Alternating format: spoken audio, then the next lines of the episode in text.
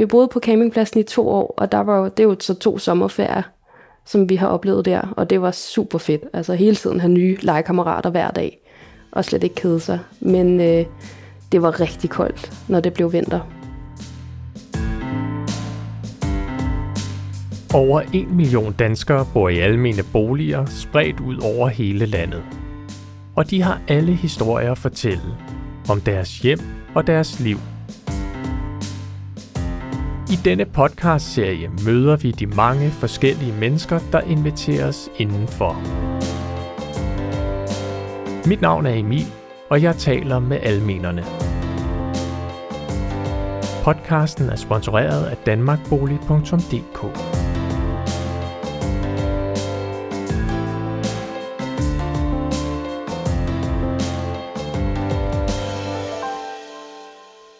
Joma, lad os høre, hvor kommer dit navn fra? Det er jo lidt specielt. Ja, øh, jamen mit navn det kommer ud fra noget numerologi, som øh, min mor hun øh, bestemte sig for, at vi skulle begynde, eller vi skulle hedde noget andet, fordi vi boede på den gang på en øh, campingplads, og hun ville gerne øh, have en Altså hun ville gerne ud af den her øh, stillstand, hun, hun havde øh, der på campingpladsen. Hun ville gerne have et job og i lejlighed og ha, bare have en bedre fremtid for os. Så hun øh, opsøgte en numerolog, og så øh, fandt på, at vi skulle have et andet navn. Og så fik du en masse navn, du kunne vælge imellem, eller hvordan? Ja, jeg fik stukket et af fire i hånden, og så, øh, så kunne jeg så få lov til at vælge, hvad jeg skulle hedde. Og på det tidspunkt, der tror jeg, jeg gik i 4. klasse, og jeg skulle bare hedde det sejeste og det mest unikke navn. Så valgte jeg Joma.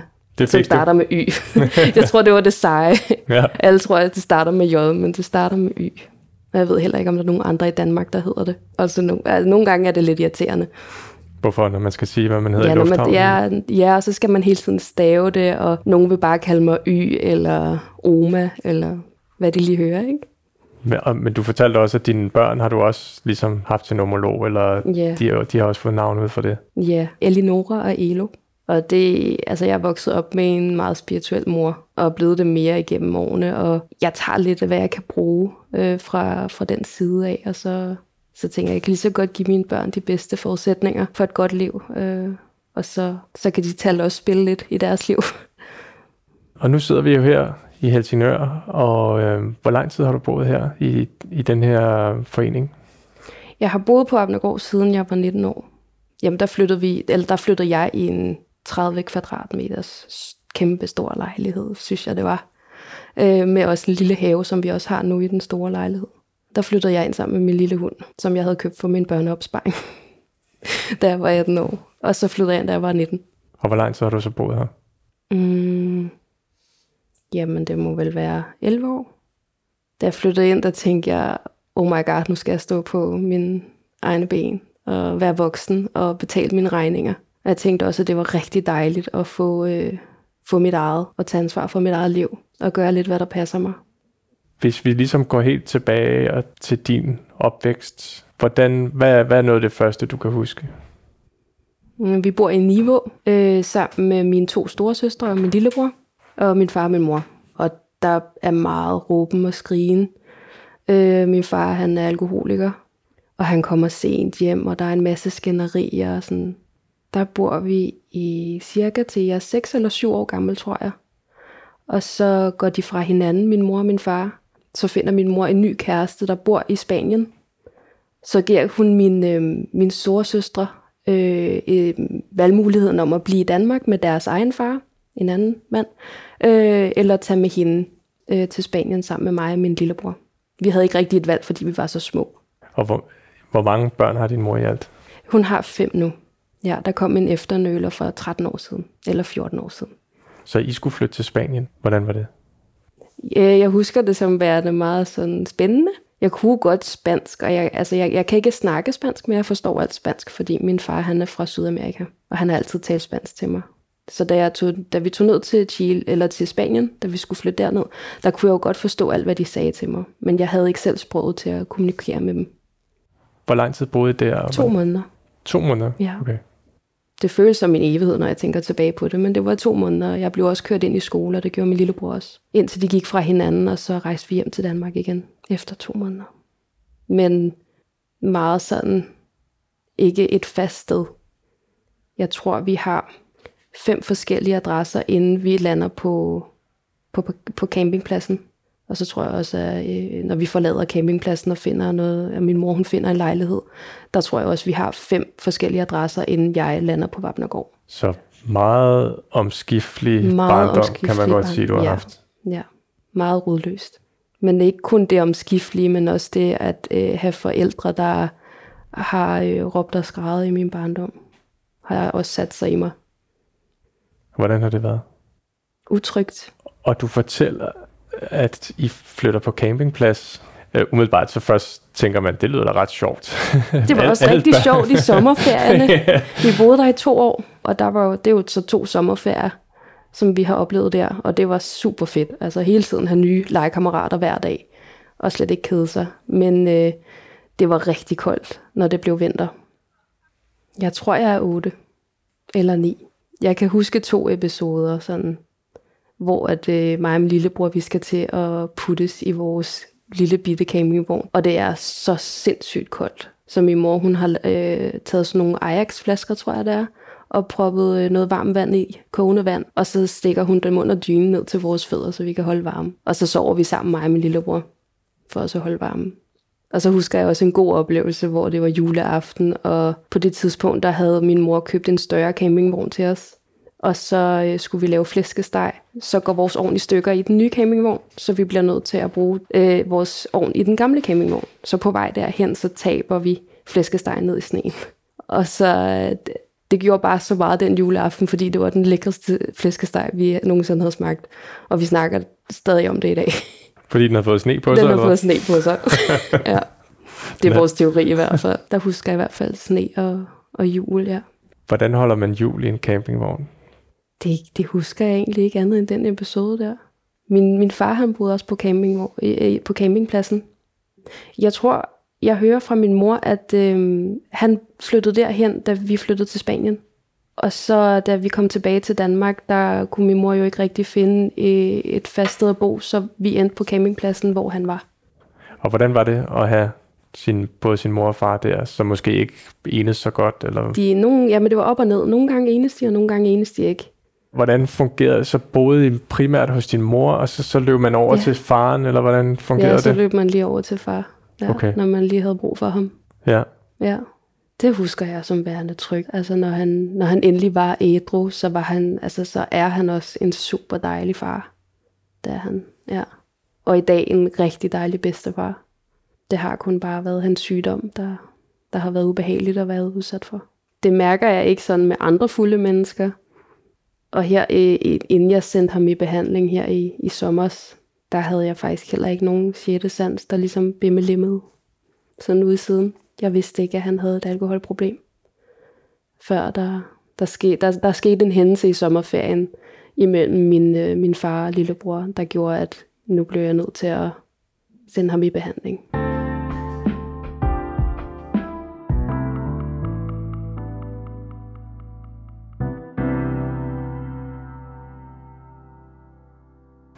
Så lige om lidt, så går vi også forbi en kæmpe stor legeplads, hvor der også er sådan sportsaktiviteter øh, eller sportstræningsudstyr. Der er der vist også en fodboldbane og en basketballbane. Så der er sådan rigtig mange ting for, for børn og unge her på Hopnergård. Og der er også rigtig mange små cykler rundt omkring. Min datter hun plejer også at køre rundt på sit løbehjul her på Abnergård. Det er også det, jeg godt kan lide ved at hjemmepasse, det er, at de bare kan få lov til at vokse op og blive lige præcis den person, de har lyst til at være. Uden at, uden at skulle være utrygge og bange. Og ja, bare hele tiden have deres primære personer omkring sig. Og for det meste være glad. det er flotte bygninger og et dejligt sted at kigge på også sådan for øjnene. så lige om lidt, så går vi faktisk forbi min øh, svigerinde, min mands søster. Hun bor herover i den blok derhen. Og i blokken ved siden af der, øh, sådan, eller skråt over, der bor min svigermor. Så det er en stor familie her? En stor familie. Min lillebror, han bor i den blok. Så ja, vi bor tæt på hinanden. Ja, det. Ja. Jeg hedder Emil. Jeg hedder Helle formand for haveforeningen. Nå, okay. Ja, de to have, ja. haver, ja. ja. Ja, jeg kender kun til den ene køkkenhave nede ved Piskesmældet. Det Nå. er dernede, jeg bor. Nå, Trelleborghaven. Ja, Trelleborg Ja, så skal du komme og se Hestens Bakke. Det er en Ja. helt anden have. Ja. Fordi, som øh, dem, der var med til at starte det, de var her sidste år. Så siger de, at Trelleborg, det er jo ligesom et landbrug. Hestens Bakke, det er hygge. Det er hygge. Ja. ja. jeg synes, at Trelleborg er lige så hygge, men det er Jo, nok, fordi jo, jeg men- bor ved siden af det. Nå, jeg jamen, den ser er også, det er ikke, at den ikke er hyggelig. Det er bare sådan en helt anden stil. Ja, Altså, hvis du, har, har du været på Hestens Bakke? Nej. Nå, men det, det er sådan, fordi det er lagt meget an på, at vi skal gå ned og hygge os. ja. Vi dyrker også grøntsager og sådan noget, ikke? Mm. Men øh, vi har meget mere blomster, vi har æbletræer, der er gamle, og Ja. masser af frugtbuske sådan i rækker, og ja, Det lyder dejligt. meget anderledes. Ja. Og så er den meget mindre. Vi har slet ikke de muligheder, som de har dernede. Og vi har fået det godt ud af det. Hej Solgat, kommer også fra den have, Ja. Hestens Bakke. Plus alt muligt andet.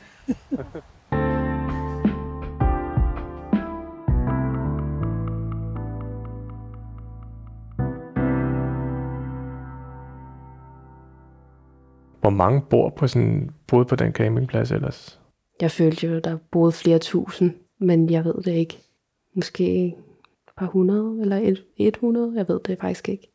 Det var nok mest om sommeren. Der boede der hele året, så måske en 30 stykker kunne der bo hele året. Man kendte i hvert fald hinanden. Der får jeg faktisk lidt fornemmelsen af, hvordan det er at bo sådan et sted, som det også er her på Abnergård. Man hilser på hinanden og lige kan tage en sludder for en slader. Og alle kender hinanden. Og selv da I ligesom flytter fra campingpladsen og får en lejlighed og sådan noget, så flytter hun igen rigtig mange gange. Hvor, hvorfor? Jeg spurgte hende faktisk i går, fordi hun kan stadig godt lide at flytte rigtig meget. Og der sagde hun faktisk bare, jeg kan rigtig godt lide at flytte. Jeg kan rigtig godt lide at være i bevægelse. Jeg tror også, jeg sagde til hende, jamen det er ikke sundt for børn at være sådan rodløse i den, på den måde.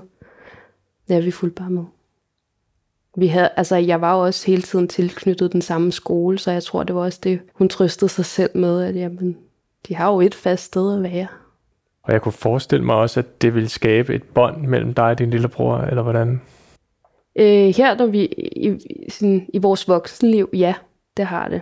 Men da vi var små, der var jeg jo meget sådan moragtig, så jeg tror også, han har set så meget irriteret på mig. Ja, som ægte, øh, sådan ægte søskende kærlighed. Og hvordan er dit forhold til din far i dag? Jamen, jeg så ham i går, og jeg så ham i dag. Og jeg er meget positiv, og, og håber, vi kan danne et sundt forhold igen. Har han været alkoholiker siden dit barndom, eller har der været tørre perioder, eller hvordan har det Der været? har været en, han siger, han har været ædru eller tørlagt i 10 år. Og så ved jeg ikke, hvornår han er begyndt igen. Men jeg fandt ud af i sommer, at, øh, at han havde et problem. Og så, øh, så gav jeg ham et ultimatum om, at nu skulle han i behandling, eller så ville jeg korte kontakten. Og det tog han mod. Til at starte med nej. Han så ikke, at han havde et problem. Så jeg måtte ligesom gøre det klart for ham, at jamen så, så stopper jeg den her relation. Og så, øh, så gik det, da det gik op for ham, så tog han imod tilbuddet og gik i behandling i fem uger. Og hvad med din mor?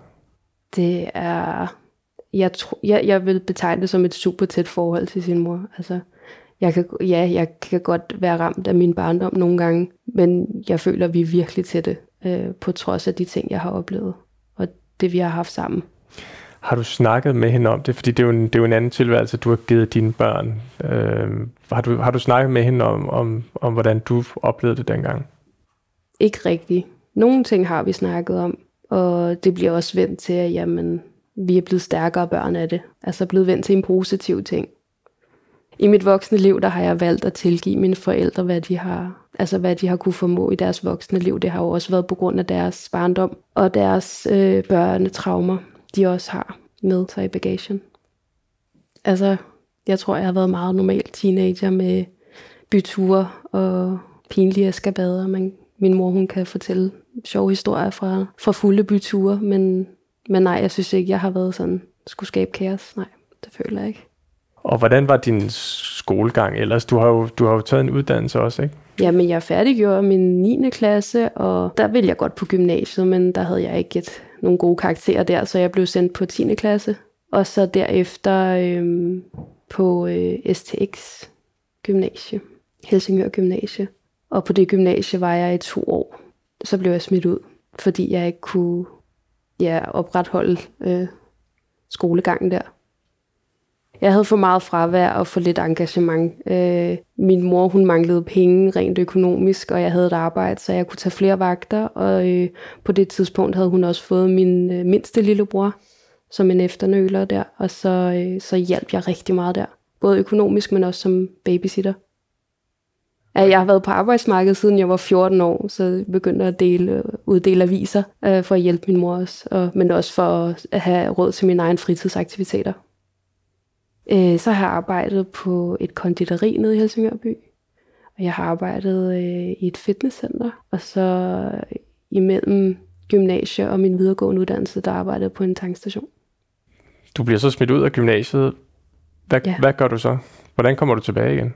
Øh, jamen, de griber mig meget hurtigt, øh, de voksne mennesker på gymnasiet, og siger, jamen, du kan prøve at søge ind på en HF. Øh, og det gjorde jeg så, og der var en her i, i Helsingør. Så der kom jeg meget hurtigt, sådan, jeg blev smidt ud sådan, i starten af sommeren, og så i udgangen af sommeren, øh, efter sommerferien, der startede jeg så på HF. Det fuldførte jeg med gode karakterer, synes jeg selv. Et gennemsnit over syv. Så da jeg gik ud af HF, der vidste jeg også godt, at jeg skulle bruge det gennemsnit inden to år, så jeg stadig kunne gange det med, hvad man nu kunne gange det med dengang, og komme på en videregående uddannelse. Så tog jeg en, øh, en uddannelsesguide-test, fordi jeg vidste ikke, hvad jeg ville læse til. Og så, øh, så bongede den ud ved bioanalytiker, og så søgte jeg ind på den uddannelse og kom ind. Og hvad laver en bioanalytiker? En bioanalytiker laver rigtig mange ting i laboratoriet men vi er nok mest kendt for at være vampyrerne rundt på hospitalsgangene og tage blodprøver. men okay. vi analyserer det også i, øh, på, på laboratorierne. Ja. Lige nu har jeg en pause. Jeg savner det enormt meget, øh, fordi efter jeg fødte øh, min datter, der fik jeg faktisk også et arbejde som, som bioanalytiker, hvor jeg analyserede coronaprøver på Rigshospitalet. Men øh, så blev jeg gravid med min søn, og så, øh, så har jeg så valgt at hjemmepasse efter barslen der. Og hvornår møder du din mand, Bo? Det gør jeg et år efter, jeg flyttede ind her på Vapnagård. Øh, jeg var 20, tror jeg. Måske fyldte 21. Der møder jeg Bo øh, nede i byen. Og så lægger jeg an på ham. jeg svinger fiskestangen ud, og jeg fanger ham. Jeg, jeg er i gang med at tage min HF på det tidspunkt. Han har også øh, en stor lejlighed. Jeg tror, han har en treværelseslejlighed, sådan en ung kælehyvel. Øh, men vi finder ud af, at det nok er bedst, at vi flytter ind i min lille lejlighed for sådan rent økonomisk at få det til at spille, fordi han er taxichauffør på det tidspunkt. Øh, har en lidt ustabil økonomi, og jeg har kun min SU. Så vi vælger at flytte ind på Abnergård sammen.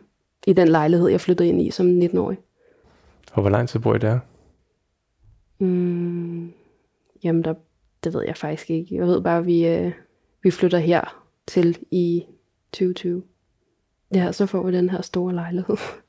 Det her palæ. jeg føler det er. Ja. Og hvordan er det at, at bo her for folk, der ikke ved, hvordan det er at bo her? Oh, jamen, for mig, der føler jeg, at det er meget fredfyldt og kærligt sted at bo. Meget børnevenligt. Øh, og naboerne smiler og hilser, og man kan lige snakke med dem, hvis man har lyst til det. Ja, og der er legepladser ved alle grønne områder næsten, og vi har jeg tror, vi har to køkkenhaver placeret her på Abnergård, som vi også nyder rigtig godt af, sådan rent synligt, med dejlige blomster i haven og sådan noget. Øh, ja. Der er rigtig mange sociale arrangementer her, men vi benytter os nok mest af noget, der hedder Småbørnscafé om fredagen. Klokken halv ti om fredagen, der går vi op og spiser morgenmad og ja, hygger med andre familier og nok mest mødre og deres små børn. Der er måske nogen, som har sådan en fordom om almen byggeri. Hvad vil du sige til dem? Jeg har nok også selv haft dem, på trods af, at jeg selv har boet i almen byggeri meget af mit liv. Men det er først her, efter jeg landede på Vapnagård, hvor jeg ligesom har følt øh, det positive ved at bo i almen byggeri. Jeg synes bare, det er super dejligt.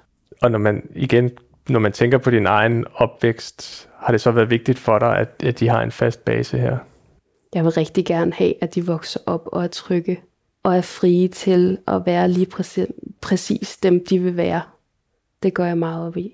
En tryg barndom faktisk bare have en fast base og kunne danne en masse gode relationer her, hvor vi er. Og så er det også super vigtigt, at både mig og min mand er trygge her, fordi det vil også præge vores børn til at være trygge hos her.